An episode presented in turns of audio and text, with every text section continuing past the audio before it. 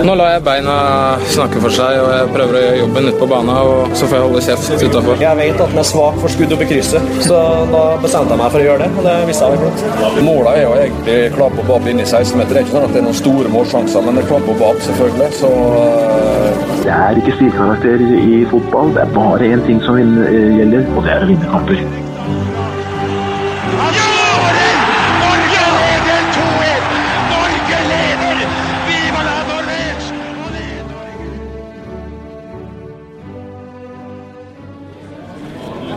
Og der er toppfotball tilbake igjen, denne gangen ute av studio. Vi befinner oss på Åråsen stadion på dette avsparkeventet i regi av norsk toppfotball.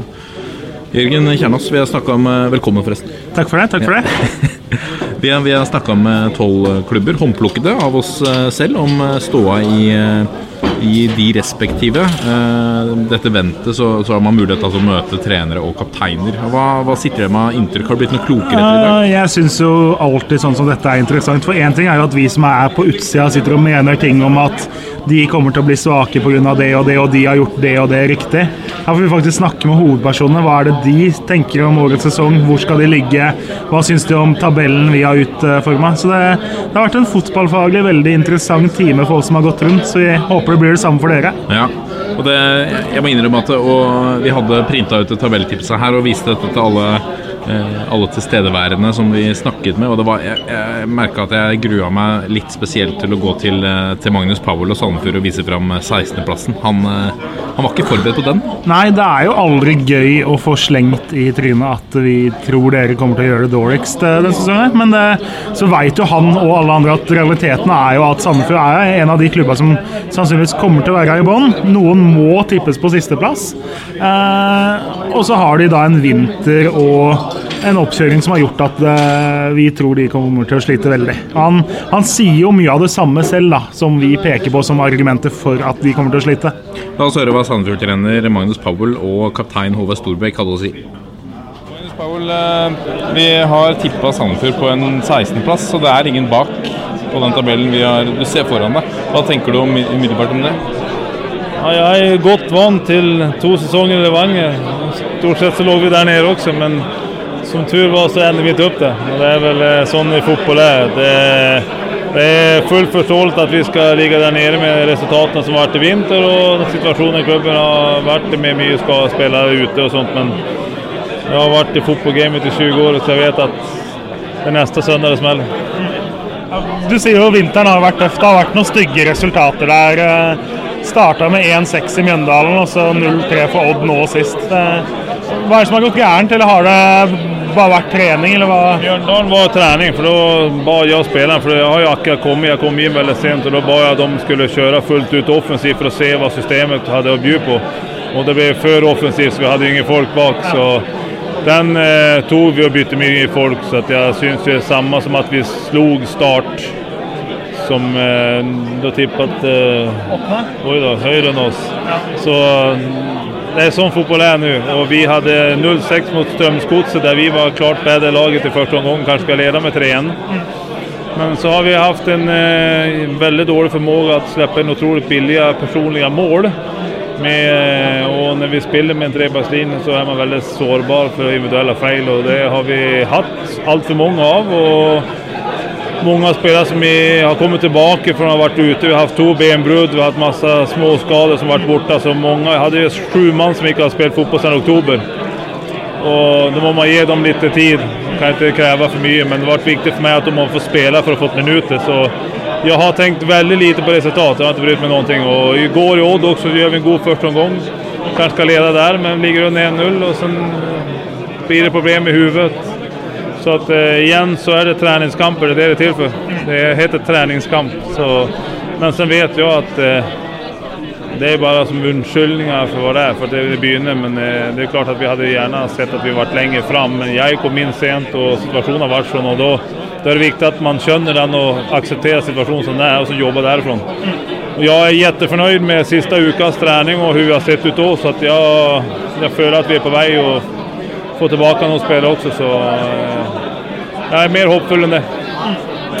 Det, altså, det du egentlig sier, er jo at dere kanskje ikke er helt i rute. på en måte. Det har vært mange skader. og så liksom Sandefjord blir bedre etter hvert. Er det det vi kan vente? eller? Det, det håper jeg at alle lag føler, men jeg tror at de fleste lag kanskje litt lenger før enn oss på det. For at vi har så mange spillere borte. da, På benbrudd og blodpropper og liksom, litt, litt hemske skader og litt vanskelig. Og så har vi tunn trupp. Liten klubb, og vi er jo liten budsjettmessig, så at eh, vi vi må ha litt hell på vår side, vi må ha en skadefri trupp. og Da viser laget i fjor også at de kunne jo være med der oppe. De lå jo an til en sjetteplass noen ganger før. Så det er jo veldig nære i Eliteserien også, samme som det var i Obos. Du kommer jo inn i en klubb som har spilt med tre mann i forsvar ganske lenge. Og med litt forventninger om at det skal fortsette. Hvordan syns du det har vært? Kommer vi til å se Sandefjord med tre bak i 30 kamper, eller? Ja, det vet jeg inte. Eh, vi jobber med det nå. Vi jobber med det. og vi pratat någonting om noe annet. Så vi jobber på trenerkontoret. både A-trener, juniortrener, guttetrener og dametrener. Så prøver vi å utvikle systemet og ha en produkt som man står for. Så tänker vi det långsiktigt och se andra motståndare gör. Chelsea spelar, hur de spelar 3-4-3 så det er veldig mye artig i systemet som vi ønsker å få til. Og så må man ha rette spillertypene og finne riktige der. och der har vi vel en vei å gå, å finne riktig dimensjon på hur det skal se ut, och sånt, med mine ögon. Så, men eh, jeg tror ikke at noen som har förväntat og vi kan sikkert endre om vi vil, men for meg har det ikke vært et tema. For jeg har syns det har vært en av de største utfordringene, og det jeg gleder meg mest til å teste noe annet enn å spille bare 4-4-2 som jeg har gjort. Da. Så det her er noe helt annet. Vi er noen andre situasjoner og stiller mye større krav også. Så jeg, jeg tror at om vi kan slå det bom, så tror jeg at jeg har utvikla som trener på et bra sett. Dere har jo bare henta Pontus Engblom etter at du kom inn. da. Uh, leter etter flere. Jeg skal veldig sjelden prate om spillere man ikke har. Fokusere på dem vi har. Selvfølgelig er det en del av situasjonen om vi kan få ut noen eller inn noen. Og, eh, det har jo vært at jeg kom inn ekstremt sent, i slutten av januar. Så Lars hadde jo henta tre spillere allerede. Så Alf er inne, Erik Holm Johansen er inne og Emil Palsson. Som jeg ikke har gjort noe åt. Sånn er jo fotballen. Så vi kan legge oss ned og gråte, så må vi bare kjøre på. Så for meg var det viktig at jeg følte at vi trengte noe fart der framme. Og jeg har tro på sånne typer som Pontus. at kan vi vekke han til liv og knekke koden her, og han kanskje passer bra i klubben med oss, at være litt underdog og få litt yter å springe på, så kan vi få han i liv, så vet vi hva han kan gjøre. Vi skal innrømme at vi hadde grua oss til å gå bort til bordet deres med dette tipset, men nå står vi her eh, nå en gang. Eh, Sandefjord på 16.-plass, hva tenker du om det? Ja, nei det er jo Hvis vi snur den, da. Snur arket så. Uh, nei, jeg syns det var mye rare tips her, for å være ærlig. Ja. Hva, hva, er det som er mest rart? Nei, det er jo garantert øst, det, da. Nå dømte, ble vi dømt nord og ned i fjor, og alle tok feil, så bør lære da, etter en gang, kanskje. Ja, er, ja ellers, ja. Så det er jo en del lag da som er om, Så mye om andre lag, tror jeg. Men det er vel en del lag der som du da tenker at uh, de her bør Sandefjord kunne matche i år? Ja. Det er jo flesteparten, det. Hvem er det, hvordan ser altså Pontus Engblom er vel nyeste signeringa. Hvordan ser han ut nå i, i Sandefjord-laget? Ja, Pontus har kommet inn og er litt, litt annerledes type enn det vi har hatt. litt mer bakgrunnsspiss, fart. Så gjenstår det å se om det blir to på topp eller én på topp. altså vi skal få ut maks av både Pontus og Flamur. det får være oppgaven til han bak meg. Du er jo en av de mest rutinerte. Dere har et ganske ungt lag, egentlig. Eh, hva, måte, hva, tenker du om din egen rolle og sesongen 2018 for deg? Jeg håper jeg kan uh, være en, uh, en, som kan skape, skape litt trygghet da, i, i, laget. Uh, nå fikk vi et år i Eliteserien i fjor der alle ja, stort sett samme troppen i år som vi hadde i fjor. Det er mange som eh, vokste på det året i fjor. Til unggutta. Vi har jo en del eldre som har vært med noen år, så vi har både rutine og en del ungdommelig mot. Så får, vi, får vi det til å stemme i lag, så blir det bra. Hvordan er det, altså Vinteren har jo vært tung, men det er jo null poeng som deles ut fra januar og ut nå. Eh, men hva gjør det med spillergruppa og stemninga når dere på en måte reiser rundt og det har blitt en del tap? da? Nei, det, det er jo en del av fotballen. det, og Vi gjorde det samme i fjor, så jeg er ikke så veldig bekymra over det. Dette er toppfotball. Det var eh, Powell og eh, Storebekk. Eh, Vi skal holde oss i bunnen, i hvert fall jf. vårt tips, Kjernås. Fordi da vi bevegde oss bort til Ranheim, så møtte vi trener Svein Målen og Kristoffer Løk Løkberg. Løkberg, ja. Løkberg, ja, kapteinen. Og de var jo nesten i fyr og flamme over at eh, de har tippet de bare på 15.-plass. Ja, eh, Ranheim er jo den store store underdogen denne sesongen. her, og De er jo det laget det er lett å bli sjarmert av. Eh, Alle venter jo at de kommer til å få en tung sesong. Vi har jo snakka med noen andre også, som sier at se litt opp for Ranheim. De har ingenting å tape denne sesongen. her. De, de er annerledeslaget. eh, Tenker annerledes enn alle de 15 andre klubbene. Eh, Det blir et veldig friskt innslag i årets eliteserie, tror vi. Ja, blant annet Ruben Gabrielsen sa at eh, bare pass opp for de, eh, pass opp for de gutta der. Det er en kompisgjeng som jobber beinhardt. altså Ranheims på en måte Det som blir pekt på som svakheten deres, er jo på en måte styrken deres også. da Eh, De har mindre penger. Eh, De henter kun folk som har trøndersk pass. Eh, For de uinnvidde så finnes jo selvsagt det. Eh, eh, klart, altså Det kan du trekke fram som minuspunkter og grunner til at de aldri kommer til å være topplag. Men det er også det samholdet og den styrken de har som gjør at de kan berge plassen. da Selv om økonomien jo er langt svakere enn det den er i alle andre klubber. La oss høre hva Svein Målen og eh, kaptein Kristoffer Løkberg hadde å si. Reaksjonene på tabelltipset. Dere ligger på en nest sisteplass, eh, 15. Det var eh, lurte på om det var skrivefeil. Ja. Champagnefest på Ranheim om vi begynner med 15. Altså og pluss 10 poeng og 16 er ikke det som er pluss minus 10 poeng og 16 er jo liksom opplest og vedtatt fra folket. Så 15, det, det takker vi for. Er vi foreløpig de som har mest troa på dere, sånn tipsmessig? Ja, ut ifra det jeg har sett, så, så er det eneste, eneste 15.-plassen jeg har sett. Jeg så noen andre her som hadde hatt oss på 15.-plass òg, så er det jo noen eh, lokale folk da som tror at vi skal overraske. Men eh, det er logisk at vi blir tippa helt ned der. Altså, dere kommer jo opp som soleklare underdogs, alle på en måte kjenner jo den. Men dere går jo inn i sesongen med mål om at dere skal ha minst to lag bak dere. Ja, hvis ikke jeg kunne jeg jo liksom godt bare ikke ha møtt opp, skulle jeg si. Altså, vi drømmer om å få spille i Eliteserien i 2019 også, vi. Så må vi bare gjøre alt det innebærer å få til. Og så ser det altså, Dere har jo den modellen, så det er nesten bare trøndere, med unntak av én altaværing som nesten er trøndere og en nå. Eh, hente fra Byåsen, hente fra Strindheim. på en måte. Har det vært fristende å på måte gå vekk fra det å hente inn noen karer fra andre steder, eller har det vært eh, lett å fortsette den? Det har vært så godt forankra i klubben vår i mange år at det er den måten vi driver på.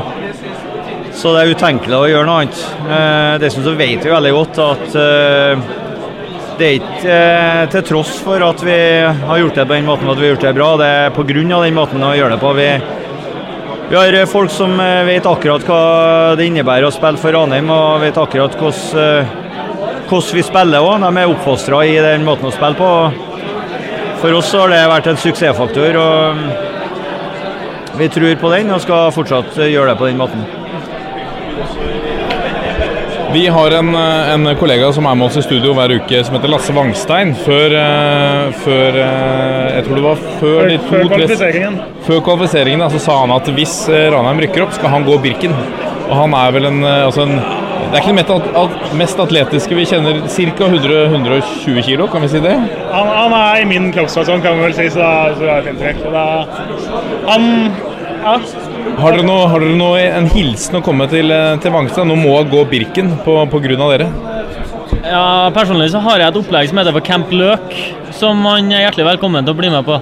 Eh, Som man kan ha i forkant av det innebærer én måned uten eh, takeaway, alkohol, brus, godteri, alt av søksaker, og så minst seks treningsøkter i uka.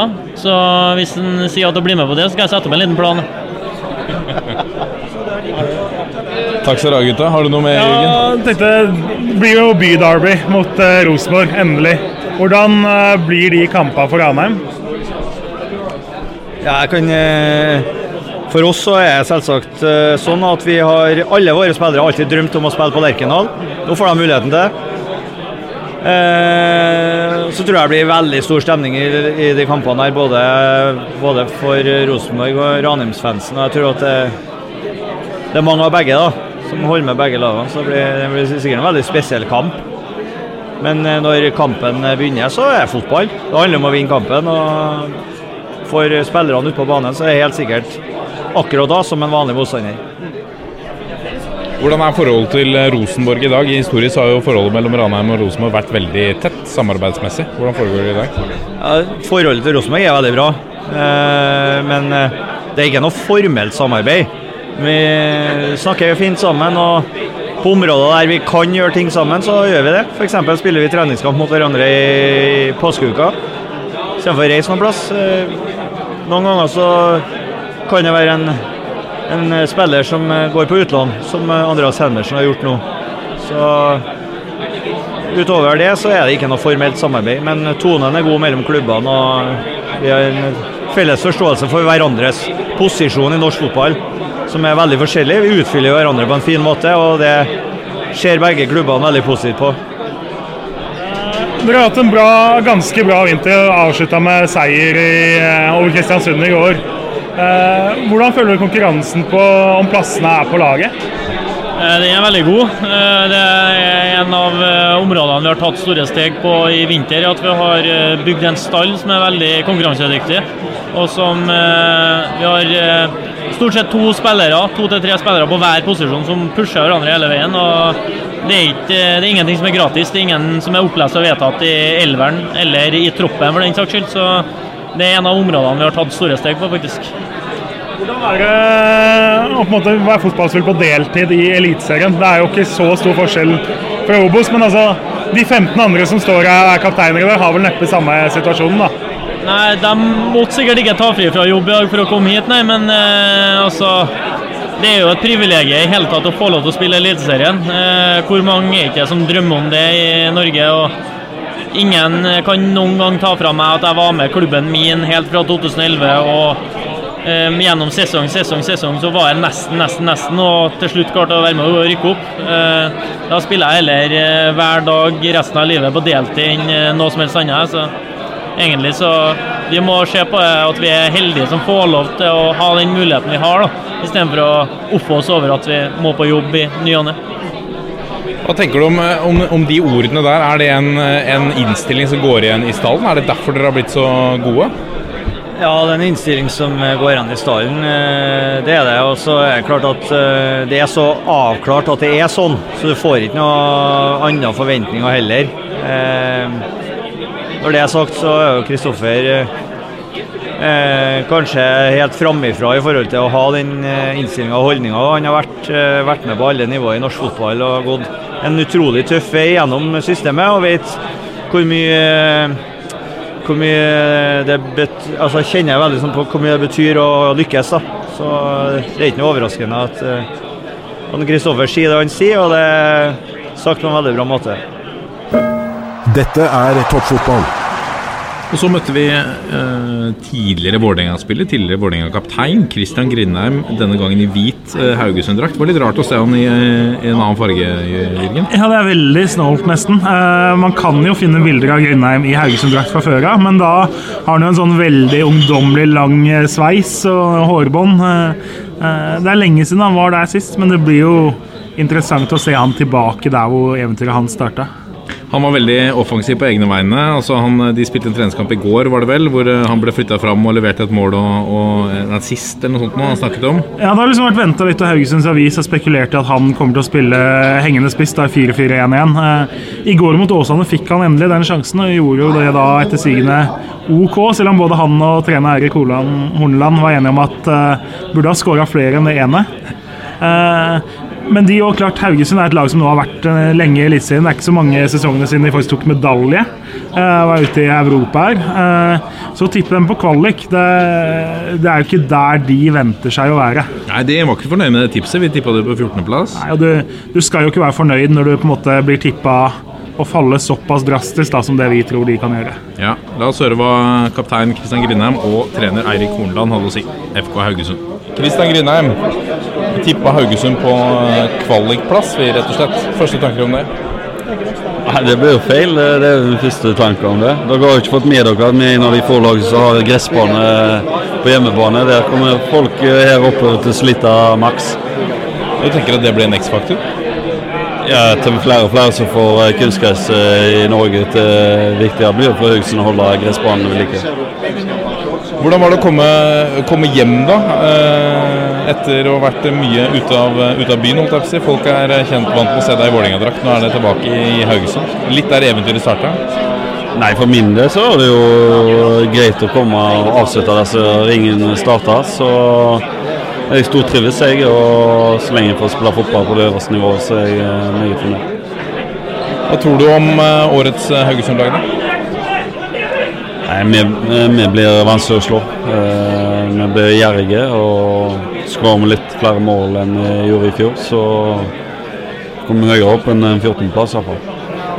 Er det noe mer enn gresset på Haugesund stadion da, som gjør at det er feil med 14.-plass på Haugesund? Ja, det er mer gjerrig slipper inn lite mål. Eh, når du vet lag som slipper inn eh, lite mål, de får ofte den ene sjansen som de setter. Så det tror jeg. Og jeg vet at eh, de fleste tippelederlag de liker ikke regn og vind på Haugesund stadion når du vet at den snur i andre omgang. Du sier jo dere er gjerrig, og så treningskampen deres er mot Kristiansund. Jeg skjønte at da var det defensive som var ganske mye fokus for den kampen. Eh, men hvordan tenker du på det offensive? Sånn, eh, det er vel der mange som tipper det langt ned, tenker at det skorter litt framover, da?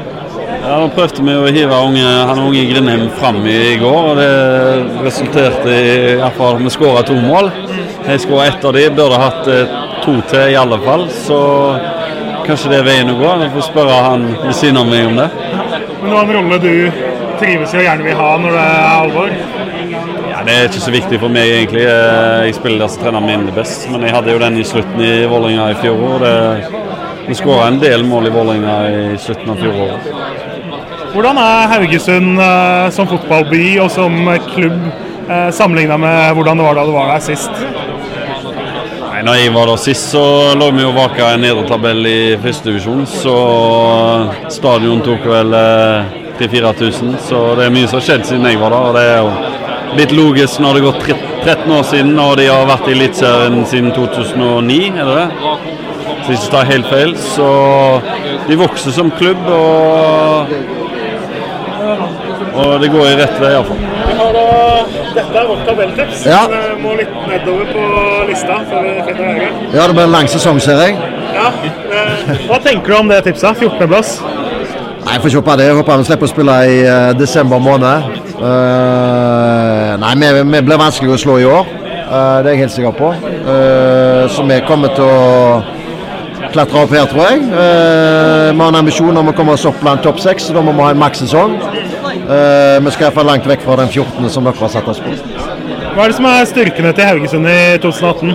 Det er et sterkt kollektiv. Eh, det er et lag som eh, spiller med høy moral og en voldsom attitude, som blir vanskelig å bryte ned. Så er det jo det mange har pekt på, det har vært litt klaging blant fans og sånn på at dere savner noe på spissplass. da. Kan du si litt om hvordan du tenker offensivt med laget ditt? Ja, og det forstår jeg etter fjorårssesongen, der vi skåra for lite mål. Så forstår jeg det. Men jeg tror at eh, det går an å utvikle spisser òg. Nå har vi kjøpt oss en ny, Ibrahima Kone, som er en ung gutt som skal få lov å utvikle seg. Samtidig som Fredrik Gytkjær som er i utvikling. Så jeg tror vi kommer til å få en spiss i Haugesund som skårer tosifra i år. Og så har du jo en som står ved siden av deg her, som eh, var fornøyd med å få lov til å spille litt offensivt i går. Ja. og er Spent på om det kan være planen videre. Ja, han skåra ett mål. Han burde jo hatt et par til, så han må bli flinkere til å sette sjansene sine hvis han skal få lov til det. Misfornøyd med uttellinga altså på Grine? Meget misfornøyd med uttellingen i går, men uh, vi må gi han litt tid. God trener på. Takk. Jeg har ikke hatt én trening med avslutningstrening eh, siden jeg kom til klubben, så må kanskje begynne med det neste uke. Dette er toppfotball. Så skal vi til eh, Sørlandet, og eh, det store spørsmålet mange stiller seg nå, er om makrellfotballen i, i Kristiansand er tilbake. Det har spyttet, blitt spyttet inn mange millioner. Tor Christian Karlsen har signert spillere som han venter kommer til å herje i Eliteserien i år. Eh, vi snakket med Simon Larsen og, og trener Mark Dempsey. Hva, men eh, hva tenker du, eh, Kjernos, ut fra hva vi snakket med de om? Nei, altså, de har jo De peker jo på litt det samme som alle andre peker på. De har et veldig ungt lag. Eh, for meg så er Start på en måte den store jokeren i den kortstokken vi kaller Eliteserien 2018. Vi tippa de på en Eh, åttendeplass. vi endte på en åttende. Det, altså, Start er det laget som på en måte du kan si har en range. Du blir verken overraska om de tar en tredje eller en femtendeplass, nesten, da, for å si det sånn. Eh, det skal mye til for at det skal klaffe så mye at de er i toppen, men uh, henta så mye spennende spillere at eh, de bør klare seg godt som nyopprykka, da. Her er Simon Larsen og trener Mark Dempsey i Start. Vi har tippa dere på åttendeplass. Hva er, eh, hva er de umiddelbare tankene om det? Nei, jeg tar det som et kompliment. jeg. Vi, eh, vi har ambisjoner, vi. Men eh, vi får ikke noe tabelltips av meg. Hva? Det, vi, eh, vi er mange som spør oss hva som egentlig foregår i Start. Dere har signert en haug av spillere som eh, litt sånne ubeskrevne blad i, i norsk fotball. Hvordan ser det ut på treninga i Start for tida? Det ser bra ut. Vi, eh, vi er en ung stall. Vi, vi har mange spillere med, med potensial. Så jeg føler vi, vi utvikler oss uke for uke. Eh, mye nytt. Nye eiere som kommer inn som har lyst til å satse på klubben. eh, kommer med frisk kapital. og da, da vil det bli endringer i spillestallen. Så, men eh, vi føler vi har et ungt og spennende lag. Hva, hvem er det vi kan se opp for mest eh, i de årets startstalla? Jeg tror Tobias Christensen kommer til å få sitt gjennombrudd. Det er en spennende ung spiller som har eh, veldig mange gode kvaliteter og ikke minst en, en mentalitet som gjør at han eh, har lyst til å nå langt og ikke er redd for å by på seg sjøl. Så han er nok en spiller der jeg skal følge med på. To ord om han som står ved siden av deg. Dere har fått ny trener. Hvordan har det vært? Det er alltid inspirerende å få nye trenere. Det, folk pusher seg litt ekstra, har lyst til å vise seg fram. og Mark kommer inn med, med mange gode tanker og ideer som vi, som vi har tatt til oss. Og så prøver vi å, å være så gode vi kan for han. Og han er, flink til å motivere oss inn mot kamp og, og skape riktig fyr i gruppa som, som gjør at vi skal prestere så bra som mulig på kamp. Da. Så han har vært en veldig positiv tilvekst til, til både klubb og, og spillergruppe. Mark, we've uh, we've guessed that you're ending up on uh, on the eighth place. What's uh, your immediate thoughts about that? Well, you have to you have to put us somewhere, don't you? So I I, I, I never worry about these things. So it, that's fine if you think we'll be eight. That's great. Um, I've seen others have got us at 13th. Some have got us at 10th. Whatever. So um, we don't know where we're going to finish up. But what we do know is we're going to improve from where we've been in the last few years in the Tipper League. So that's the main aim. Have you set any ambitions? Are you do you want to qualify for Europe? Uh, do you have any goals uh, besides, uh, of course? Uh, I think the, the vision of the club and the owners um, is to get better and better. I think Europe is uh, on the horizon, but certainly not for the next couple of years, I wouldn't imagine. Um, but if they achieve what they want to achieve, then Europe will be a, an aim, I would imagine. But their, their remit to me is that we just look to get better. And that the people who come to watch our football team play on Sur Arena see a team that can compete in the Tipper League first and foremost and can excite them at times. So a team that primarily wants to play exciting football. Um, of course, that's governed by the opposition against you and all those type of things. But that's the main aim. That's what we've been working on with the with the team and, and, the coaching staff. We have a a clear way of we, how we want to play, and um, and we'll bring that to the table this year. If that's good enough, I don't know, but we'll find out. Uh, you have a team with a lot of uh, youngsters with a huge potential. Uh, can you tell us anything about who should we look out for this year? Well, of course, everybody talks about Tobias. Uh, Simon spoke about him then, and of course, he's a player with lots of potential. But I think Eric Vickner, our right back, is, is another young player, another local boy who's really impressed me. The two African boys we brought in, Twum and Afiz, are, are very good players, in my opinion. But again, it's potential, and so you're never quite sure. Potential can go that way, but it can quickly go that way as well. But to work with them every day is exciting, and. Uh, coming from the background I do with um, with with uh, young players, and it's perfect for me to, to help them develop. We also have a couple of strikers in Lars Jürgen and in Flocky who are again young. You know, Aaron Aaron Sigurd Larsson or Sigurdsson, how you say his second name. I'm hopeless with them Icelandic names. He's another young player. We have lots of young players, so we have a young team. He's he's one of the oldest at 29. You have uh, obviously, um, Espen.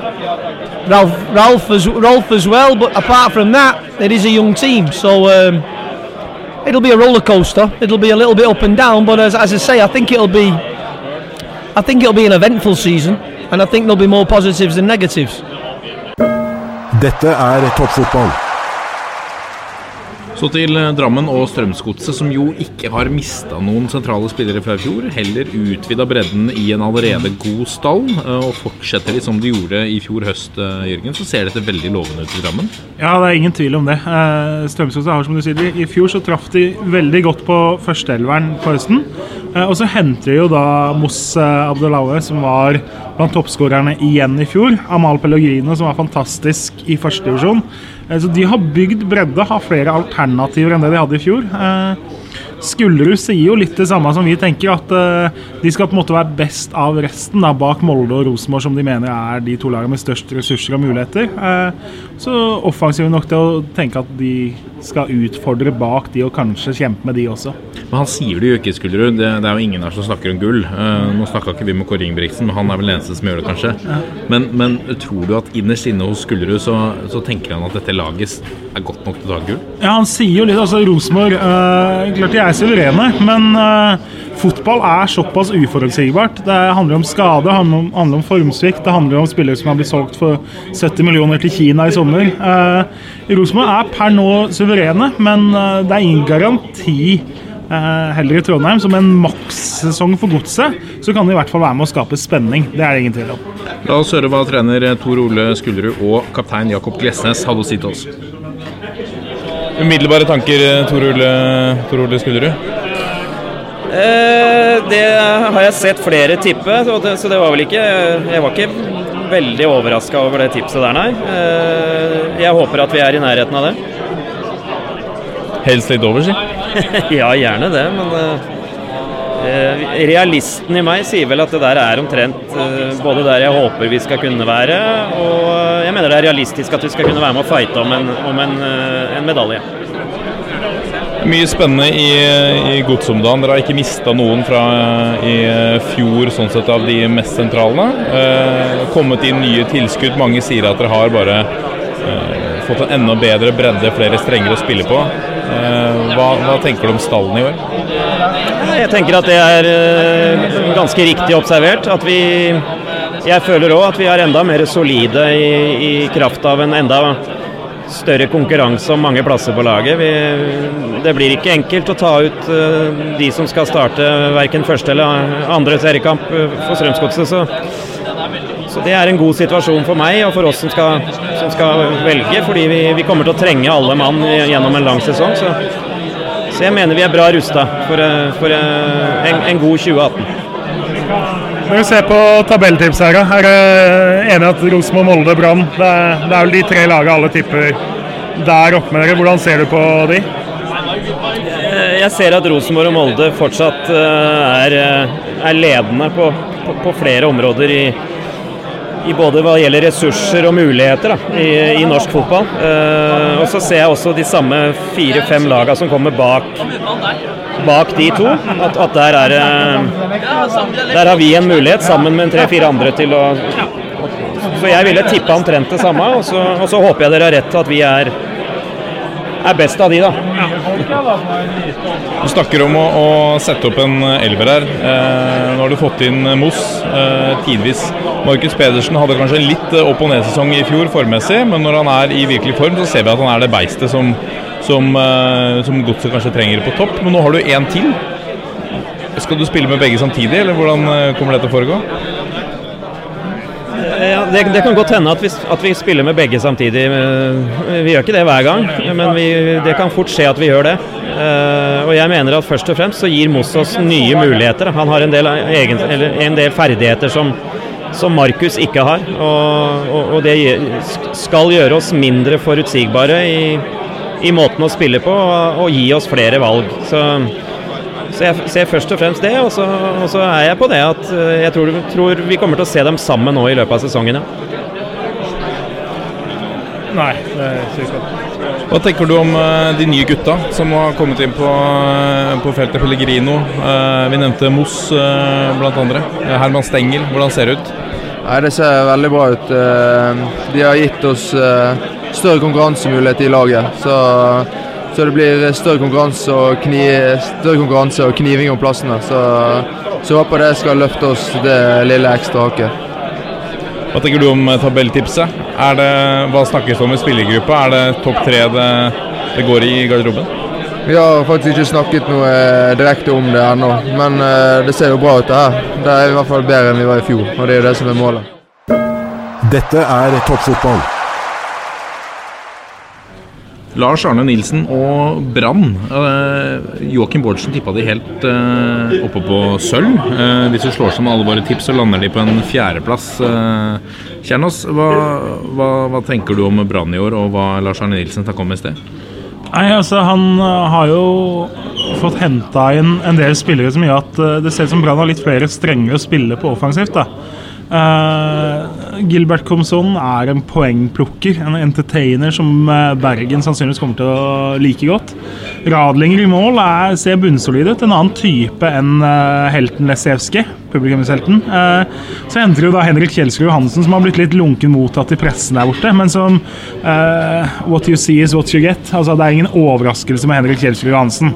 Eh, det er som å spise melkesjokolade, på en måte, men du veit at du får melkesjokolade. Eh, en spiller som kommer til å passe Lars Arne Nilsen. for lytterne. Ja, nå får vi se om vi får tone det litt ned. Men altså, det er en spiller som Lars Arne Nilsen sier òg til oss eh, at han liker. Han liker typen. En helt annen type enn Steffen Lie Skålevik. Så det gjør jo at Brann har to forskjellige spisser som de kan veksle litt på ut fra kampbildet og man, hvordan det ser ut både før og underveis i kampene. da. Eh, For meg så er Brann eh, Jeg syns de ser styrka ut offensivt, og så er det omtrent status quo defensivt. Og da er det vel et litt bedre Brannlag totalt sett. Veldig spennende. La oss høre hva Lars Arne Nilsen har å si. Men vi har, vi har foreløpig tippa Brann på en Eller foreløpig, vi har tippa Brann på en fjerdeplass. Hva er dine første tanker om, om det? Ja, nei, det Vi har jo veldig lyst til å være i toppen i år. og Vi har vært i toppen i to år. og det en stor klubb som Brann, det å bli en toppklubb og være blant de fem beste og snuse på medalje i Europacup hvert år, det er, jo, det er jo der vi ønsker å være. da. Så er vi på topp fem i år òg, så er vi, er vi, nærmer vi oss å bli en toppklubb. Ny signering i Henrik Kjelsrud Johansen, en eh, spiller som eh, ikke ennå kanskje har fått det største gjennombruddet i, eh, hva gjelder skåringer i Eliteserien. Hvordan eh, passer han inn i Brannlaget? Nei, han er 24 år, han er i sin beste alder. Han har en del erfaring, selv om ikke han har spilt. Og Det er en gutt som spiller med hjertet og er hardtarbeidende, duellsterk. og Han passer inn i den trøkkfotballen som vi ønsker å spille. så vi, vi tror at han kan bli bra hos oss. For det er mange som sier at han er en spiller litt etter ditt hjerte.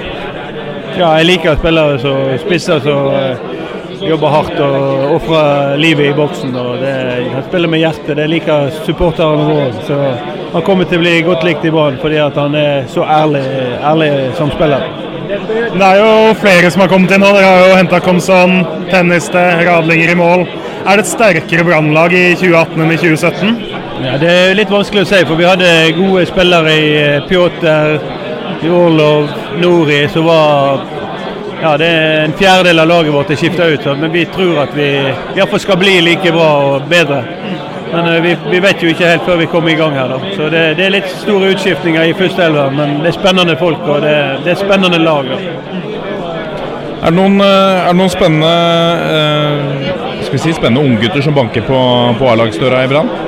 Ja, vi har jo to stykker som vi eh, har med Nessotra på treningsleir nå i Obos-ligaen. Så ja, to-tre stykker som kan som kan, eh, kan bli eliteseriespiller i løpet av eh, året. Vi får se. Det, det er tøft å gå fra junior og rett opp i toppen av eliteserien. Men vi, vi har noen emner som vi tror kommer, men det, det, det kan ta litt tid. Du har jo en sønn som har vært eh, ivrig ute etter at karantenereglene skulle forandres litt.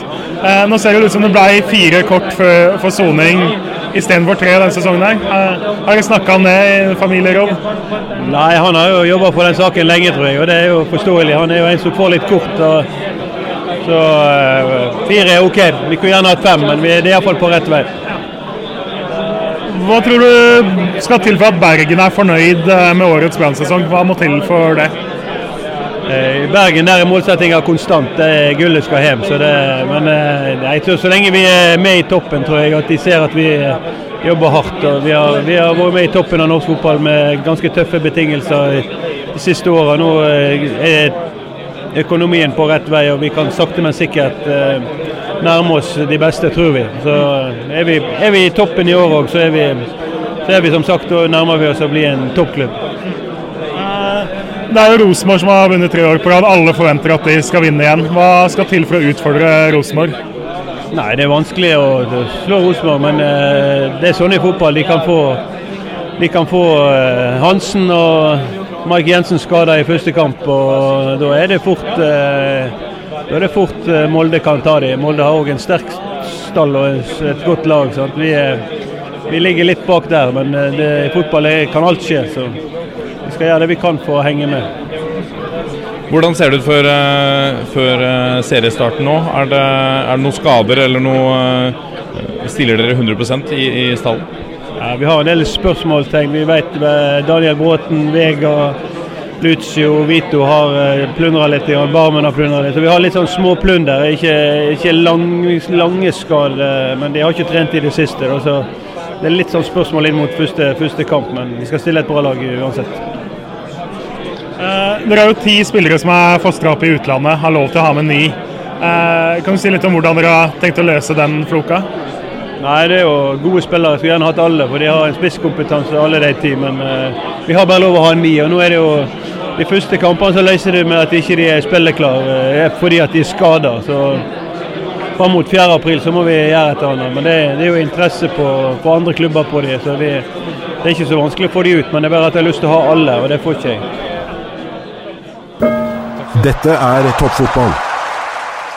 Helt alene i ene kanten av lokalet så fant vi Molde-kaptein Ruben Gabrielsen eh, Kjernås. Han var veldig fornøyd med at de nå ser ut til å ha lagt om til en firer bak.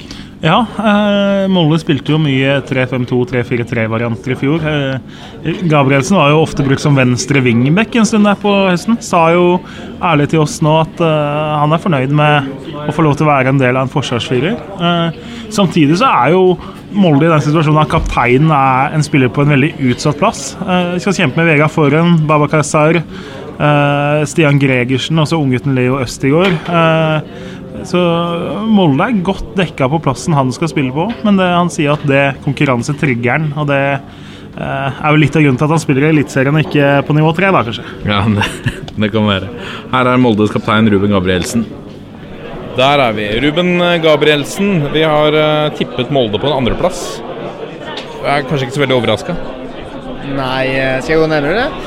Nei, jeg, eh, jeg skjønner jo hvorfor dere har gjort det. Og det er veldig, veldig mange andre som har gjort det òg. Rosenborg har sett sterke ut nå i, i fjor, og har sett sterke ut i år òg, så at de er favoritter, det skjønner jeg godt. Ja, for I Molde så snakkes det kanskje om altså det, er, det er gullet det snakkes om, eller? Selvfølgelig vil vi ha gull, men vi er også innforstått med at Rosenborg er favoritter. At vi har en, har en jobb å gjøre der. Altså, de eh, slo oss over to kamper i fjor, og det var nok til å ta gullet, så vi må, vi må ta opp en kamp der med dem. Og hvis vi slår dem over to matcher, så, så kan vi selvfølgelig nærme oss. Hva er forskjellen på Molde i år eh, og i fjor? Er det, hva er dere bedre på i år? Nei, Gutta har blitt et år eldre. De som, var, eh, de som var litt yngre i fjor, har fått enda et år på baken og er, er, vet, mer hva som skal til. Og, og vi har eh, et system nå som jeg føler vi kan litt, litt mer enn det vi kunne i fjor. Ja, det, det siste du sier der, nå blir det vel 4-3-3 som blir utgangsprognosjon. Hvordan, uh, hvordan syns du det er? Nei, de, de, jeg syns det er flott. Jeg synes, eh, eller for å si det sånn, De fleste som har spilt fotball i Norge, har spilt med firer bak. Det ligger i ryggmargen. og det, At de går tilbake til firer bak, tror jeg er bra for oss. For det, det kan vi ut og inna. og Tre bak syns vi var litt vanskelig til tider. Eh, men i fire, fire, bak så er det mange problemer som vi har støta på før, og da vet vi hva vi skal gjøre med det. Det var snakket om hvem som skal erstatte Bjørn Bergman Sigurdarsson. Har Daniel Chimachupu returnert til, til Rosenes by. Hvordan ser han ut uh, så langt? Chima er sånn at han kan møte opp tjukk på mandag, og så på onsdag så er sixpacken der igjen. Så han, han har allerede klart til kamp og skårte nå senest på lørdag. Og ser, ser, veldig bra ut. Men vi har også Amang, som, jeg, som jeg syns har vært helt glitrende i oppkjøringa. Han har rett og slett tulla med motstandere, og han kommer til å tulle med folk i Eliteserien nå, tror jeg. Ja, for tror du dette blir Det har vært snakket om Thomas Amang eh, i et par sesonger. Er, eh, hva er det som ser annerledes med tanke på et gjennombrudd for hans, for hans del i år? Det er alder og modenhet. Eh, nå er det det andre året han er i Norge og har blitt litt mer vant med situasjonen rundt seg og vet mer hva som skal til. Og at nå er han ikke så fornøyd med å bare være i en i en toppklubb. Nå vil han faktisk begynne å spille, og det, han, er, han, er, sulten igjen, og det, det kan, kan, man se. Hva kan vi vente oss av deg denne sesongen her, da? Å ja, si det. Eh, at jeg har en bedre sesong i år enn jeg hadde i fjor. Eh, at jeg holder meg skadefri, og at jeg rett og slett har en, har en god sesong. Spiller jo i en posisjon hvor eh, dere har veldig veldig god dekning da, på midtstopplass. Hvordan ser du på den konkurransen du har om plassene der? som sunn. Jeg syns eh, konkurranse er morsomt. Altså da jeg vet at jeg må spille på mitt beste for, for, å få spille, og da tar du vare på sjansene dine. Hvis du blir komfortabel, så er det lett å, lett å dette litt nedpå. Men nå må vi alltid være på, på tå og hev. Og som du sier, vi har, vi har, nok av folk som er villige til å ta plassen din, og som venter på at du skal spille dårlig. Så det er ofte det er sunn konkurranse på alle plasser vi har. Så jeg syns det ser, eh, ser bra ut. Også.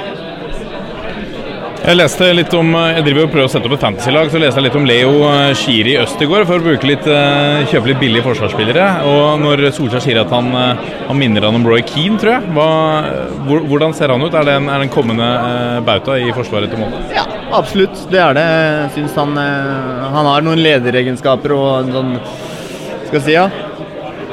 Persona, er det persona? At han, han, han han eh, gir mye av seg selv og han er villig til å dø, i, til å dø i en av hver duell. Og han har noe litt sånn eh, som vi mangler i norsk fotball, og det har han litt ekstra. Så jeg skjønner, jeg skjønner hva Ole Gunnar sier, og jeg tror han kommer til å bli en stor fotballspiller.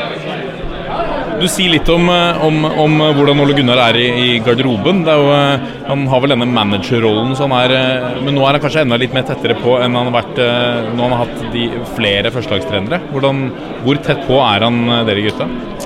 Nei, Det er, er ganske lik som har vært tidligere. Altså. Det, er, det, er, ikke så mye forskjell. Han, han vet hva han vil og er veldig klar og tydelig på på hva han vil ha av oss, og er veldig klar og tydelig på hvordan vi skal gjøre ting. Så jeg syns, syns at han har ikke, har ikke forandra seg noe mer eller noe mindre fra, fra i fjor. Dette er toppfotball. Og så til eh, Stabæk, dette laget som uh, altså, nesten tatt en feig uh, utvei her, Kjernas. Vi har verken tippet de helt opp uh, i toppen, og heller ikke tippet de langt ned. For hver gang man gjør en av delene, så bommer man veldig. Så det er veldig lett å legge de på en niendeplass. Ja, øh, hvis vi sier at Start var den store jokeren i kortstokken, så Stabæk er også en joker her i årets eliteserie. Det er det ingen tvil om. Uh, et lag som gnistrer offensivt, mye offensivt uh, pågangsmot. Litt, uh, så er de, fortsatt, de er litt for naive. svinger veldig fra høyeste til laveste nivå. kommer til å være briljante, kommer til å ta mye poeng mot topplaget. Kommer til å rote vekk poeng mot bunnlaget, tror jeg. Den, den sesongen her kan bli fugl eller fisk. Stabæk veit jo aldri helt hva du får av. Så en niendeplass er den litt feige løsninga på dem òg. Men Tony Ordinas var klar på at de eh, i fjor så var det gode offensivt. De var på en del, Han mm. trekker fram en del statistikker hvor de også var bedre enn Rosenborg, mm. men samtidig også så slakter han de defensivt. Så det er liten tvil om hva de har lagt mest fokus her. Ja, og altså Stadig skal man trekke fram et minus, så ser de lette ut totalt sett.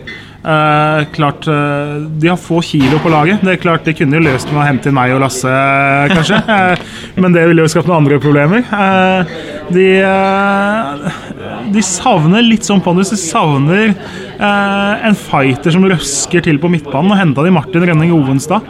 Litt usikker på om det er den spillertypen de faktisk trengte der. Eh, Men så sier Ordinas til oss at ja, han leter etter flere spillere. Eh, Ja, han er ikke ferdig. Nei, Inge, Inge André Olsen er jo kjent for å dra opp eh, noe Esse og Ruter konge av bukselomma på en måte på deadline day. Eh, så Det er jo også noe av det som gjør Stabæk vanskelig å tippe. da. Eh, det er fortsatt en måned igjen av overgangsvinduet. Henter vi en ny Lumanza nå om et par uker, så ser de mye bedre rusta ut enn det de kanskje gjør akkurat nå. La oss høre hva Stabæk-trener Tony Ordinas har å si om kommende sesong. Yeah. Uh, we have put Stabæk in uh, ninth place uh, on our table. What do you think uh, about that? Well, it's a good place. uh, I think uh, we have this experience last season, uh, a season where we are up and down during the season. So, if we are able to win consistency during the season, uh, probably we can do better than this. Uh, but uh, the prize is we have to be much more solid. No, uh, I think uh, uh, as a team uh, we show last year that our best version can be really good. I think if, if we just count the number of points that we win in the first eight positions was much bigger than the, that part. But this requires also that we have to be smarter competing. There's uh, always a big discussion regarding Stabæk. Uh, I, I think uh, we never know where, where you end up. Will you be at the top? Will you be at the bottom? I think we, we took the easy way out just to put you in the middle. Yeah. That's smart. What's uh, what are you doing to, to, to do better this season compared to the last season? If you go to back to the statistics last season, uh, I think if I remember well, we were a number one in front of Rosenborg in shots on target per game. We were a number three in possession. Uh, in general, the offensive statistic was really good. I think number one in dribblings. Uh, the defensive statistics were a catastrophe. We were with Viking on the bottom in terms of goal conceded. We were on the bottom in terms of air duels. So I think it's obvious that if we want to improve the performance and points, we have to balance a little more the offensive and the defensive prestation. no? So probably this is one of the keys that we have in front of us. And now you have to replace uh, Morten uh, Schønsberg. Uh, and Lumanza as well. What? Yeah, and Limans as well. Um, do you feel that uh, the, the squad is uh, complete? Uh, no, to be honest. Uh, I hope no, because uh, I think we need uh, to make a little stronger positions in, in a couple of situ- uh, or, or a squad in a couple of positions. But I feel comfortable with what we have. No, I think we have enough to be competitive. Uh, it's always I think about as a coach, you like the competition internal in the team. No, I don't like that a player feels I play yes or yes. No, uh, so if we can bring players to have a little more competition, perfect. If it's not, we have to work with this. Uh, and you have a very young squad. Last year, Hugo Vetlesen was uh, a big success. Uh, can we expect anything like that from uh, Brynildsen or or someone else uh, this season? I'm, I'm sure that that uh, we have. Uh, you mentioned Ola. I can mention it. Tobias. Still, Basit is not with us. Emil Buyen is, is there. So we have the big, big hope that uh, at least one or two of them make the step this year. no? Dette er toppfotball. Så til mannen med diamantøredobbene, Simo Valakari, Tromsø-treneren, som eh, var åpenbart fornøyd med å beholde viktige Gjermund Aasen. Ja, eh, men klart Tromsø er jo også, hvis du ser på laget her, da, så er det Vi har tippa de på en tiende. Vi har endt på en tiende. Eh, I går eh, så ble det jo utspilt av erkerival Bodø-Glimt i en treningskamp. Snakka jo med Valikari at troppen deres er tynnere. De har mista fire mann som spilte mye i fjor. Uh, Henta inn færre enn det. Så de som på en måte var nummer 16 og 17 i troppen i fjor, da må begynne å stå litt fram eh, den sesongen her, for de kommer sannsynligvis til å spille mer enn de gjorde i fjor. Eh, Vallakari er sånn, han er jo faktisk den største profilen Tromsø har nå. Vi Kan snakke om Gjermund Aasen, kan snakke om Simen Wangberg, eh, Runar Espejord som er tilbake. Men altså, det er nå engang Vallakari. Han er litt, eh, det er litt superstjernefeeling på han. Eh, Litt eh, X-faktor i Tromsø. Det klirrer i, Eh, ja, i glasset. Så er det jo sånn at er du en podkast på tur, så er du plassert eh, nærmest, eh, nærmest kjøkkeninngangen. Så hvis det, vi beklager, beklager bakgrunnsstøyen. La oss høre hva Tromsø-trener Simo Valakari hadde å si. Our table uh, this year. Looks like that. Tromsø 10th place. What's your thoughts about that? Oh, yo, yo, yo, 10th place. Uh, you know, I do not make any predictions. That's your job to do it. So, I, how I see it and what, what we believe in Tromso, that season is long enough, we get what we deserve. So, is it 10th or is it something else? That's, you know, 30 games, it's long enough, you know, to get what you deserve. Uh, when you came in, you were uh, almost uh, uh, you were in relegation place. Uh, had a fantastic season after you came in. Uh, how are you gonna improve this season? Yeah, now, now that's the you know that's a very good question because that's the kind of the thing what we can only control. We can co- only control our performances, what we do, and we have been working very hard as a team. Our players have been working very hard, and yes, will we improve? I strongly believe that we need to improve because I think the Eliteserien is stronger than it was last year. Again, all the teams they have they have improved as well. So we, as a Tromso, we need to improve as well. How are we gonna do it? There is no magical tricks. It's a hard work in the training. It's a believing what we do. It's work hard as a team, and then probably you will get the results. Uh, you have lost a few players uh, this winter. Uh, the squad is perhaps smaller than it was uh, last year. Uh, are you concerned about that? Um, not at all. Um, yes, maybe if you only see the um, first team players, yes, the quantity is lower, but we have some academy players we hope who can come through, you know, for this for for this this year as well. And and the players what we have, we have very tight group as well, so it can be advanced as well. Uh, how important was it to keep uh, a player like Gjermund Aasen? Uh, Of course, he was. Since I have been here, he's been very good for the team, and he's very good player in the locker room as well. And we all know his qualities. And now, how I see the thing, I still see that Jermund he has a lot to improve, and he wants to improve. He wants to get higher. So those kind of players we want to want to play for our team. Uh, now you have been here for a little bit under a year. Uh, what's your thoughts about Norwegian football? I think uh, to coming outside, it's a better league than sometimes you people inside you think here. I, I see you know good clubs, I see good teams, good coaches, I see very good players here. Of course, I know Norwegian football it hasn't been that successful last years, but I see there is a lot of potential, lot of lot of uh, desire to take things forward. So I, I really like the Eliteserien.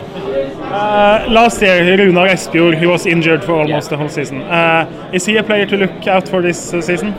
Yeah, the uh, injury came very bad. It was very bad timing to get injured last year because he was just kind of you know breaking through. So this season, almost year without the football, it will take time to get to get the best level what he can be. But how he has been working the preseason, he definitely he will, he will be one to look look look look for it. Dette er toppfotball. Kristiansund var jo for mange en, eh, overraskelse i fjor, eh, Kjernås. Mange tippet i nord og ned, og i år er det vanskelig andre sesongen for trener Christian Mikkelsen. Ja, det, altså Kristiansund overpresterte jo i fjor. Eh, det er så enkelt som at budsjettabellen gjenspeiler jo den faktiske tabellen i de fleste europeiske ligaer. Kristiansund knuste jo det parameteret i Eliteserien sist sesong. Eh, har beholdt alle nøkkelspillerne. Benjamin Stokke har vært ettertrakta. Eh, Torgeir Gjertsen var en komet sist sesong. De har, har kanskje ikke styrka førsteelveren veldig mye. Det er Stian Åsmundsen som kommer fra svensk fotball. Eh, kan fort være eneste nye som går rett inn på laget hos dem. Eh, så Kristiansund blir litt sånn Jeg tror vi får se det samme som vi fikk se i 2017. Det er et solid defensivt lag, og så har de en del kontringsstyrke og duellstyrke eh, som gjør at de faktisk er i stand til å skåre mål og vinne fotballkamper, i tillegg så en del på en måte litt grått, og så har de krydra det med nok X-faktor til at eh, de bør ha godt håp om å berge plassen. Og så har de en veldig sjarmerende stadion, syns jeg. Altså en, en intim, liten eh, sak. Ja, altså, det er jo på en måte Kristiansund er jo Hadde ikke Ranheim vært oppe, så hadde på en måte Kristiansund kanskje vært den store outsideren. De har tross alt bare én sesong på øverste nivå bak seg noensinne i klubbhistorien. Eh, Det er lett å glemme det når de var så solide at de ble nummer syv i fjor. Uh, Får se. Det blir interessant å se første match mot Vålerenga, som blir på en måte uh, litt sånn De møter et antatt bedre lag hjemme, og så er det da den hjemmefordelen og den her eh, litt sånn faneinnvoldskheten som de hadde i fjor, som kan vippe de kampene deres vei. Vi tippa de på en eh, 13.-plass. Her er eh, Kristiansund-trener Christian Michelsens eh, tanker om det. Vi har et eh, tabelltips, vi, som vi har eh, klart å koke i hop, hvor eh, Kristiansund faller noen plasser i forhold til eh, i fjor. Er du overraska, Mikkelsen? Nei, jeg er ikke, jeg ikke overraska. Det, det er som for, forventa. Vi, vi vet vi, vi har en jobb eh, å gjøre for å henge med i selskapet. her. Vi eh, snakker hele tida om at eh, det på enkelte områder kan vi ikke konkurrere med de andre lagene i divisjonen, her, men på andre områder kan vi konkurrere igjen. Eh, Og det er en, eh, en fortsatt en ydmyk og sulten gjeng oppe i Kristiansund som ønsker å, å vise at man eh, har ekstra lyst til å være med i dette selskapet her. Eh, dere har jo beholdt de fleste av de som spilte mye i fjor. Eh, og så har dere henta inn en del. Så dere har vel en breiere tropp i år, er det mulig å si det sånn? Jeg tror utgangspunktet for, for de fleste klubbene rundt omkring så ønsker man å bli litt bedre hvert år.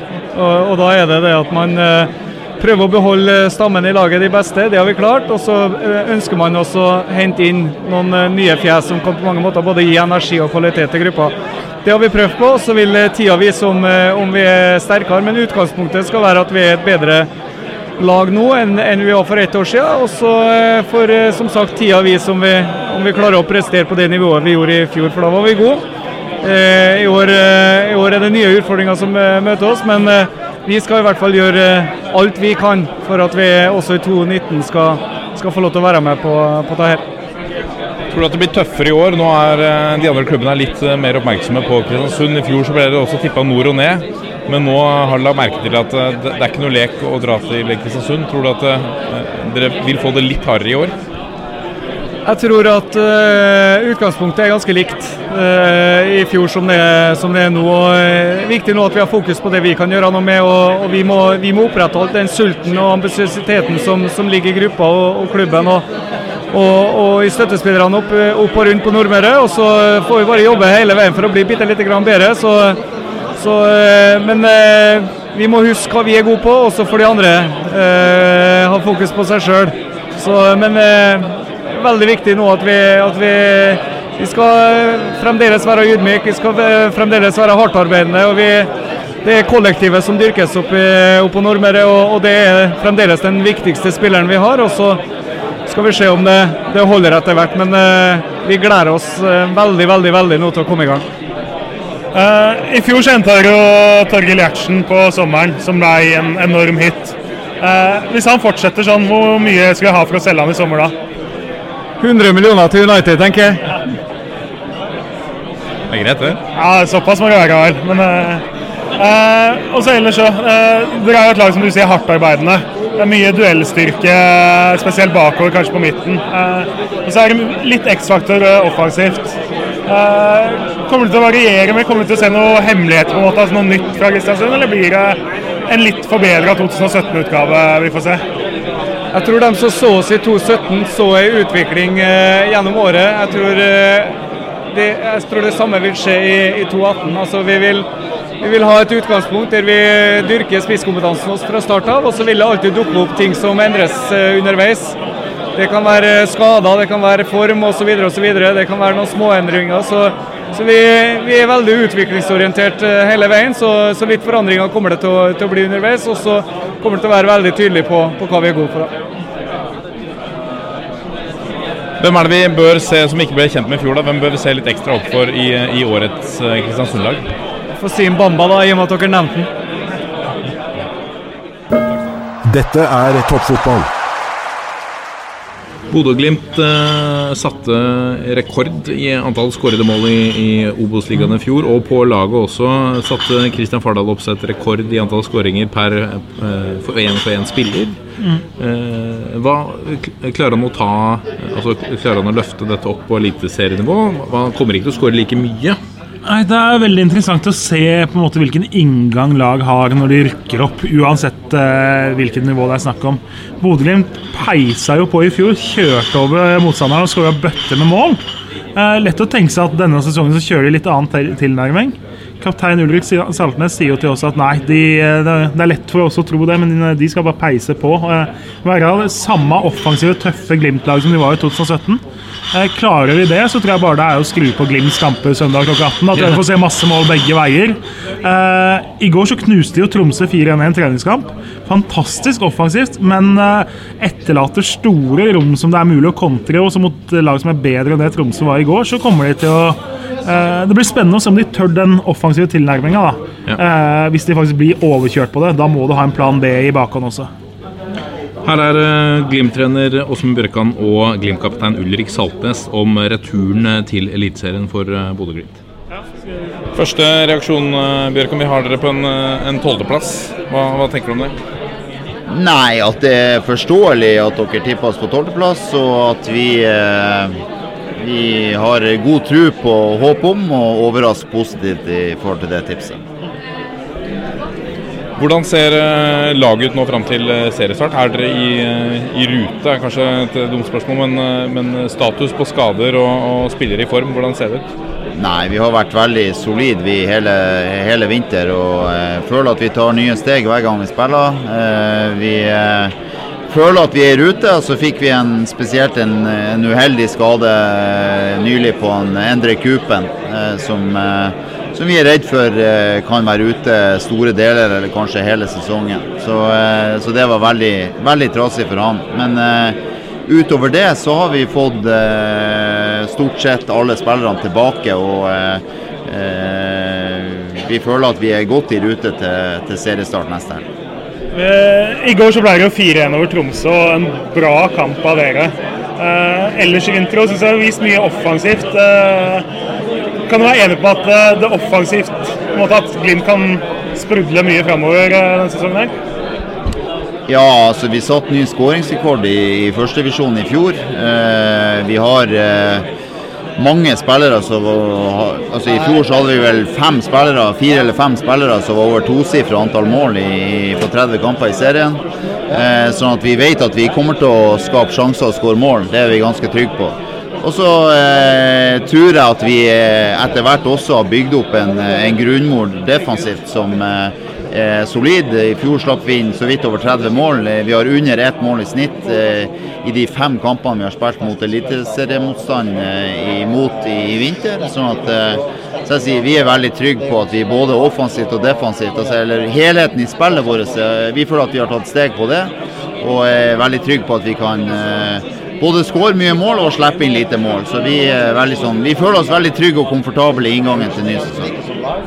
Spiller som Kristian eh, Christian Fardal Opseth, eh, 28 skåringer. eh, Satt vel også rekord eh, i eh, historien i førstevisjon Obos. Eh, Hva, hva forventer du av han i år i, i, i form av antall skåringer? Nei, vi har jo ikke noe, vi har ikke lagt opp press på ham, men vi forventer, og det tror jeg han gjør sjøl òg, altså vi forventer at han skal få et gjennombrudd i Eliteserien. Og, og i hvert fall for oss er han en, eh, en viktig mann både på og utenfor banen. eh, Og han tar også steg eh, sammen med medspillerne. En av de viktigste poengene tror jeg med Glimt i år er jo at vi har kontinuitet i forhold til det vi jobba med i fjor. Så vi, vi, vi starta ikke på nytt. Vi har en stamme i laget som vi har bygd på fra i fjor. Eh, og de guttene eh, har spilt i lag i et drøyt år nå og blir bedre og bedre kjent. Og både utfyller hverandre og bruker hverandre bedre og bedre. Sånn at vi, er, vi har en veldig god følelse og er optimister og tror og håper at vi kan overraske positivt. Eh, ja. Ulrik, det, du har jo spilt eliteserie før, men du har jo på en måte en helt annen standing i spillergruppa kan vi vel si nå enn det du hadde sist du var i Eliteserien. Eh, Hva kan vi vente oss av deg eh, denne sesongen? her? Nei, jeg tror eh, at med i likhet med laget, jeg tror jeg vi kan gjøre det veldig bra og overraske mange. Så det er klart det blir en mental utfordring for både meg, også, nei, meg og laget eh, kunne eh, ikke ta for mye respekt for motstanderen og eh, bite godt fra oss selv om det er en annen divisjon. Hvordan tenker dere sånn, altså I fjor så var dere jo det klart beste laget i serien. Eh, vi kan vel anta at det ikke vil skje i år. Eh, men hvordan tenker dere på en måte sånn spillemessig? Gjør dere noe annerledes sånn sett når dere er litt underdogs? Ja, Det er kanskje naturlig å tenke den veien, men eh, for vår del eh, blir trikset akkurat det samme som i fjor. Mm. og ikke begynne å justere, ikke ha noe frykt i spillet i det hele tatt. Men uh, spill på det vi er gode på. Det, det er vanskelig å begynne med noe annet enn det. Så får vi bare summere opp i slutten av sesongen. Dette er toppfotball. Sarpsborg 08 er klubben som nå har dratt inn millioninntekter flere sesonger på rad. Nå sist for å selge Krepen Diata og Sigurd Rosted bl.a. Eh, nå skal disse erstattes. Eh, og vi har igjen en klubb som, som mange nå forventer at skal ligge helt der oppe i toppen. Men vi har tippet dem med femteplass, eh, Kjernas. Ja, nei, altså Sarpsborg er jo et lag som igjen blir vanskelig å spå, da. Fordi de har jo henta inn et helt nytt fotballag. Eh, I går så spilte de generalprøve mot Stabæk. Da satt jo halvparten nesten av de gutta de har henta inn, satt på tribunen. Uh, så Sarpsborg har på en måte henta noen som styrker årets tropp, og så har de henta noen for framtida. Det blir spennende å se om de uh, finner den elveren som fungerer best sammen. Kommer nok til å bruke litt tid på det. Men det er klart, i fjor de var jo fantastiske, og at det endte med medalje selv om den holdt på å ryke. Stor opptur i fjor. Det er vanskelig å gjenprestere den sesongen der mot lag med større budsjetter i toppen. Ja. Vi har snakket med Sarpsborg 08s kaptein Joakim Thomassen. Joakim Thomassen, vi har uh, tippa dere på en, en femteplass. Der var vi uh, unisont enige alle i toppfotball. Hva, hva tenker du om det?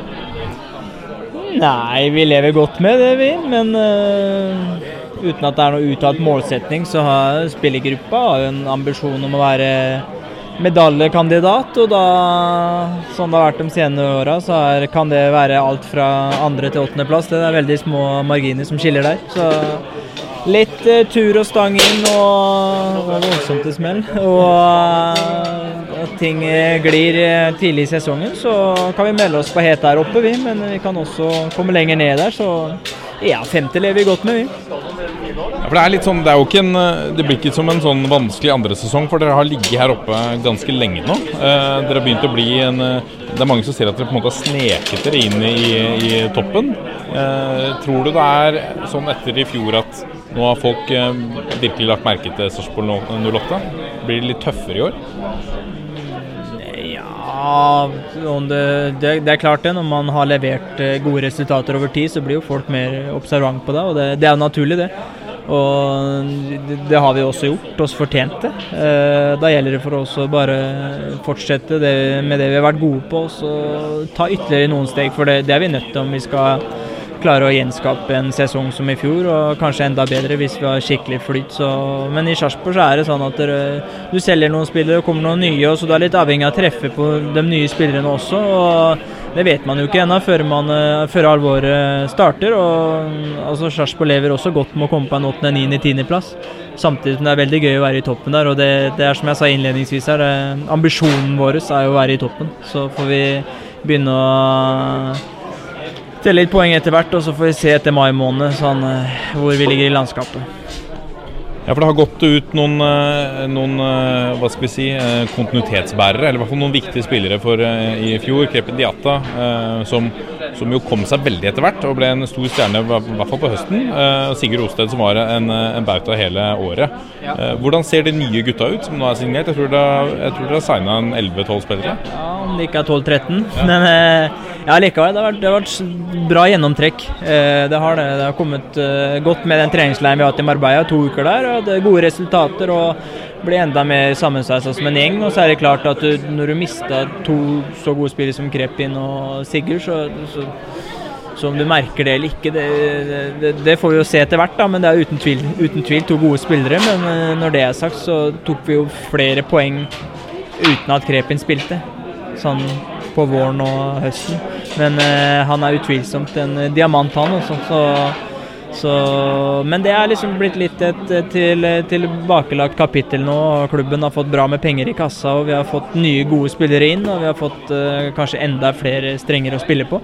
Uh, så, det, så, det, blir spennende å se hvordan, uh, hvordan, de håndterer det når ting begynner å dra seg til. Og så har vi grunn, Grunnstammen er jo der fra i fjor. Stort sett flesteparten av dem som spilte mye i fjor, er jo her i år igjen. Så det gjelder for oss å bare ta nye steg. Du, eh, Sarpsborg Lotte er jo godt eh, styres godt av eh, Geir Bakke og, og Thomas Berntsen. og eh, altså Millionene som kommer inn på spillekjøp, blir eh, vel håndtert, sier de. Fornuftig håndtert. Savner du at de kanskje drypper litt mer på dere spillere innimellom? Ja, nå får vi jo se. da. Nå skal jeg i bonusforhandlinger i morgen på vegne av spillergruppa, så vi får se hva de har hosta opp av sekken da. Men det er klart eh, alle gutta som spiller i Sarpsborg 08 fortjener hver krone og hvert øre de kan få. For det legges ned en voldsom innsats og veldig dedikert, og alle drar i samme retning. Så det, dem unner jeg alt godt. Så får vi håpe at det drypper litt ekstra på oss etter møtet i morgen. Dette er toppfotball. Da har vi vært gjennom tolv eh, av uh, årets 16 eh, eliteserielag. Fikk jeg ikke snakket med alle. Det er spesielt lang kø selvfølgelig foran Rosenborg og Kåre Ingebrigtsen. og noe av måten vi prioriterte på, var også å snakke med de som vi ikke hører fra for ofte. Det er ikke ofte ja. vi får Bodø-Glimt eller Tromsø i studio, f.eks. Nei, det, altså Vålinga og Lillestrøm tok vi oss jo ikke tid til når vi måtte prioritere. Odd var litt opptatt, og Rosenborg var lang kø. Så det var de fire lagene vi Eh, ikke fikk i denne omgang. Men, men, hva tenker du om, om, eh, om, det vi har hørt uh, så langt? Og, og nå, nå, nærmer det seg virkelig eliteseriesesongen. Altså, vi er rekordtidlig i gang. Føler vi at alle, er, alle klubbene er, er, klare? Nå har vi utsatt mesterfinalen, f.eks. Som skulle vært spilt i ja, nei, altså, Det er jo litt sånn at det kommer litt bardust på en del, føles det ut som. Eh, Magnus Paul sier jo helt klart at han han føler at de har de starta seint, han kom inn seint, hatt mye skader. Eh, har ikke en helt ferdig tropp. Stabæk eh, Tony Ordina sier at han vil gjerne ha flere spillere. Eh, Tromsø innrømmer at de har en tynnere stall nå enn det de hatt tidligere. Så altså, Overgangsvinduet er jo åpent til 5. april, er det vel? 4. eller 5. april. Mm. Eh, det er garantert flere av de trenere som har vært rundt her, som kommer til å hente både to og tre forsterkninger før det vinduet stenger. Hvem er det du tror kommer til å handle, da? Før vi, før vi... Eh, Odd skal jo ha inn én eh, eller to stykker. Nå har det vært snakka om André Sødlund fra Sandefjord. Eh, så sier vi jo at Sandefjord har jo en veldig tynn tropp, så, så for dem så sitter det jo langt inne å selge sin mest spennende unge lokale spiller. I mm. eh, hvert fall nå i den situasjonen de er. Eh, jeg tror Sandefjord kommer til å hente. De trenger et eller annet eh, som gjør dem tryggere defensivt. Om det er på midtbanen eller om det er i forsvar, det må de nesten finne ut av. Men det, ja takk, begge deler vil nok Magnus Paul tenke. Eh, Tromsø har en så tynn stall at eh, jeg syns det er risikabelt for dem å gå på sesongen sånn som det ser ut nå. De er veldig utsatt for skader. I går så mangla bl.a. Lasse Nilsen og Simen Wangberg. Da så du med en gang at de var veldig tynt besatt. Uh, Stabæk trenger en Lumanza-type på midtbanen. De vokser jo definitivt ikke på trær, og de som vokser på trær, de vil ikke nødvendigvis til Norge. Uh, så har vi jo fordelen at vi har et vindu som er åpent lenger enn mange av de hakket større europeiske ligaene, da, som gjør at sånne spillere kan havne i Norge en halv eller en hel sesong. Uh, ja, for det er jo eh, hvordan er faktisk, altså Det er et sluttspill til sommeren. Uh, kan det være at en eller annen spiller som trenger å spille seg inn i form til å komme i landslagstropp, ja, ja, det har vært si, spillere med både altså med Renato Sanchez har vært snakket om. Han har vært snakka om til Rosenborg. Det var jo uh, et langskudd som nesten gikk inn, hørtes det ut som. Fins spillere nok med både islandsk og kanskje svensk og dansk pass som vurderer spilletid som veldig verdifullt de neste tre månedene. Da, uh, som gjør at det kan være muligheter. Ja. Uh, også arbeidsledige spillere da, som ikke har funnet seg en klubb i januarvinduet, og som fortsatt er på leit. Da, når vi kommer ut i mars, da må du kanskje ta til takke med Eliteserien hvis du har brukt fem uker på å ikke finne en klubb. Hvis vi tar topp fire, da, eller topp fire eller fem med Rosenborg, Molde, Godset, Brann og Sarpsborg, er de ferdige? Er stallene spikra? Rosenborg er vel nesten garantert ferdig. De har henta det de skal. Uh, I Molde så har det handla litt om å få uh, ut spillere som har gått på utlendingskvota. Uh, lånt ut Sonny Nattestad og Ottar Magnus Karlsson. Jeg tror nok de er ferdig med mindre det dukker opp en case som de må slå til på. Godset definitivt ferdig. Eh, Jeg kan ikke tenke meg at de skal gjøre noe mer nå. Eh, Samme med Brann. eh, Og Sarpsborg har en så full stall at der òg de Jeg blir overraska hvis de fem henter veldig mye nytt på slutten nå. Det blir eh, spennende. Helt til slutt, uh, Kjernas. Det, har vært en- har vært en interessant eh, dag her på Åråsen. Eh, har du noen gode fantasy-tips, eller? Som er litt sånn eh, litt hipster-tips til uh, fantasy Ja, men de deler vi jo selvsagt ikke. Jo da, det er jo derfor vi snakker om det. Eh, eh, I fjor så var jo Gilly Rolandsson var jo den store suksessen. Han eh, gjorde det bra for Brann, som ofte holder nullen. Eh, han spilte venstrekant eh, og var billig, men eh, registrert som forsvarsspiller, så han var en spiller som alle etter hvert hadde. Eh, det finnes jo noen av litt samme casen på venstresida rundt om. Eh, en som jeg kommer til å ha med på mitt lag, er Lasse Nilsen i Tromsø. Han er opprinnelig venstreback, var lånt ut til Tromsdalen i fjor. Kom tilbake og spilte mye da som wingback. Eh, nå ser det ut som han blir ganske fast på venstrekanten i 4-3-3. Uh, Skårte to mål mot uh, i Spania her for en, noen uker siden. Det er en billig spiller. Han er forsvarsspiller og kommer sannsynligvis til å spille venstrekant. Eh, så det, det er en joker som jeg i hvert fall tenker at skal du skille ut fra mengden, så kan du ikke ha de alle som alle andre har. Du må ha noen som ikke så mange har, og da er det en høyaktuell kandidat. Eh, Erik Tønne i Ranheim er samme casen. Egentlig venstreback, skal spille venstrekant i Ranheim og tar sannsynligvis den plassen. Eh, nå er det litt sånn grense for hvor mye man regner med at Ranheim skal score. da. Uh, han kan fort komme til å ta Kan være en av de som får ta dødballer også. Det hjelper jo litt på i fantasy-sammenheng. Eh, spennende case, men også en spiller mange har oppdaga eh, at kan komme til å gjøre det. Eh, I tillegg syns jeg Morten Gams Pedersen Han hadde jo faktisk ti assist i fjor. Eh, da er vi tilbake til Tromsø. Han koster vel bare 5,5 millioner. Men tror du han holder koken? Spill, ja, han ser jo sånn ut. Altså, han er jo planlagt å skulle spille i den dype rollen hos eh, Tromsø. Så eh, jeg syns det er en billig eh, løsning. Altså Trenger du en billig spiller på midten eh, Du kan ikke pause på med fem dyre spillere der. Så bør jo det være et navn å tenke på. Samme casen er Hugo Vetlesen, som er blant de billigste midtbanespillerne som spiller fast. Eh, var veldig god i fjor. Han hadde vel bare tre assist og null skåringer. Men en spiller som imponerte mange. Eh, det er ikke altså, Kan ikke se seg blind på at han bare hadde tre assist sist sesong, tenker jeg. For det eh, kan fort løsne for en såpass god spiller. Og Stabæk ser veldig gode ut offensivt. Så at det er et lag som skårer mye. Eh, fortsetter vi på Stabæk, så er jo også eh, Frank Bolli er tilbake fra skade. Var ganske bra på høsten i fjor. Eh, litt sånn glemt i skyggen av Ohi, eh, da.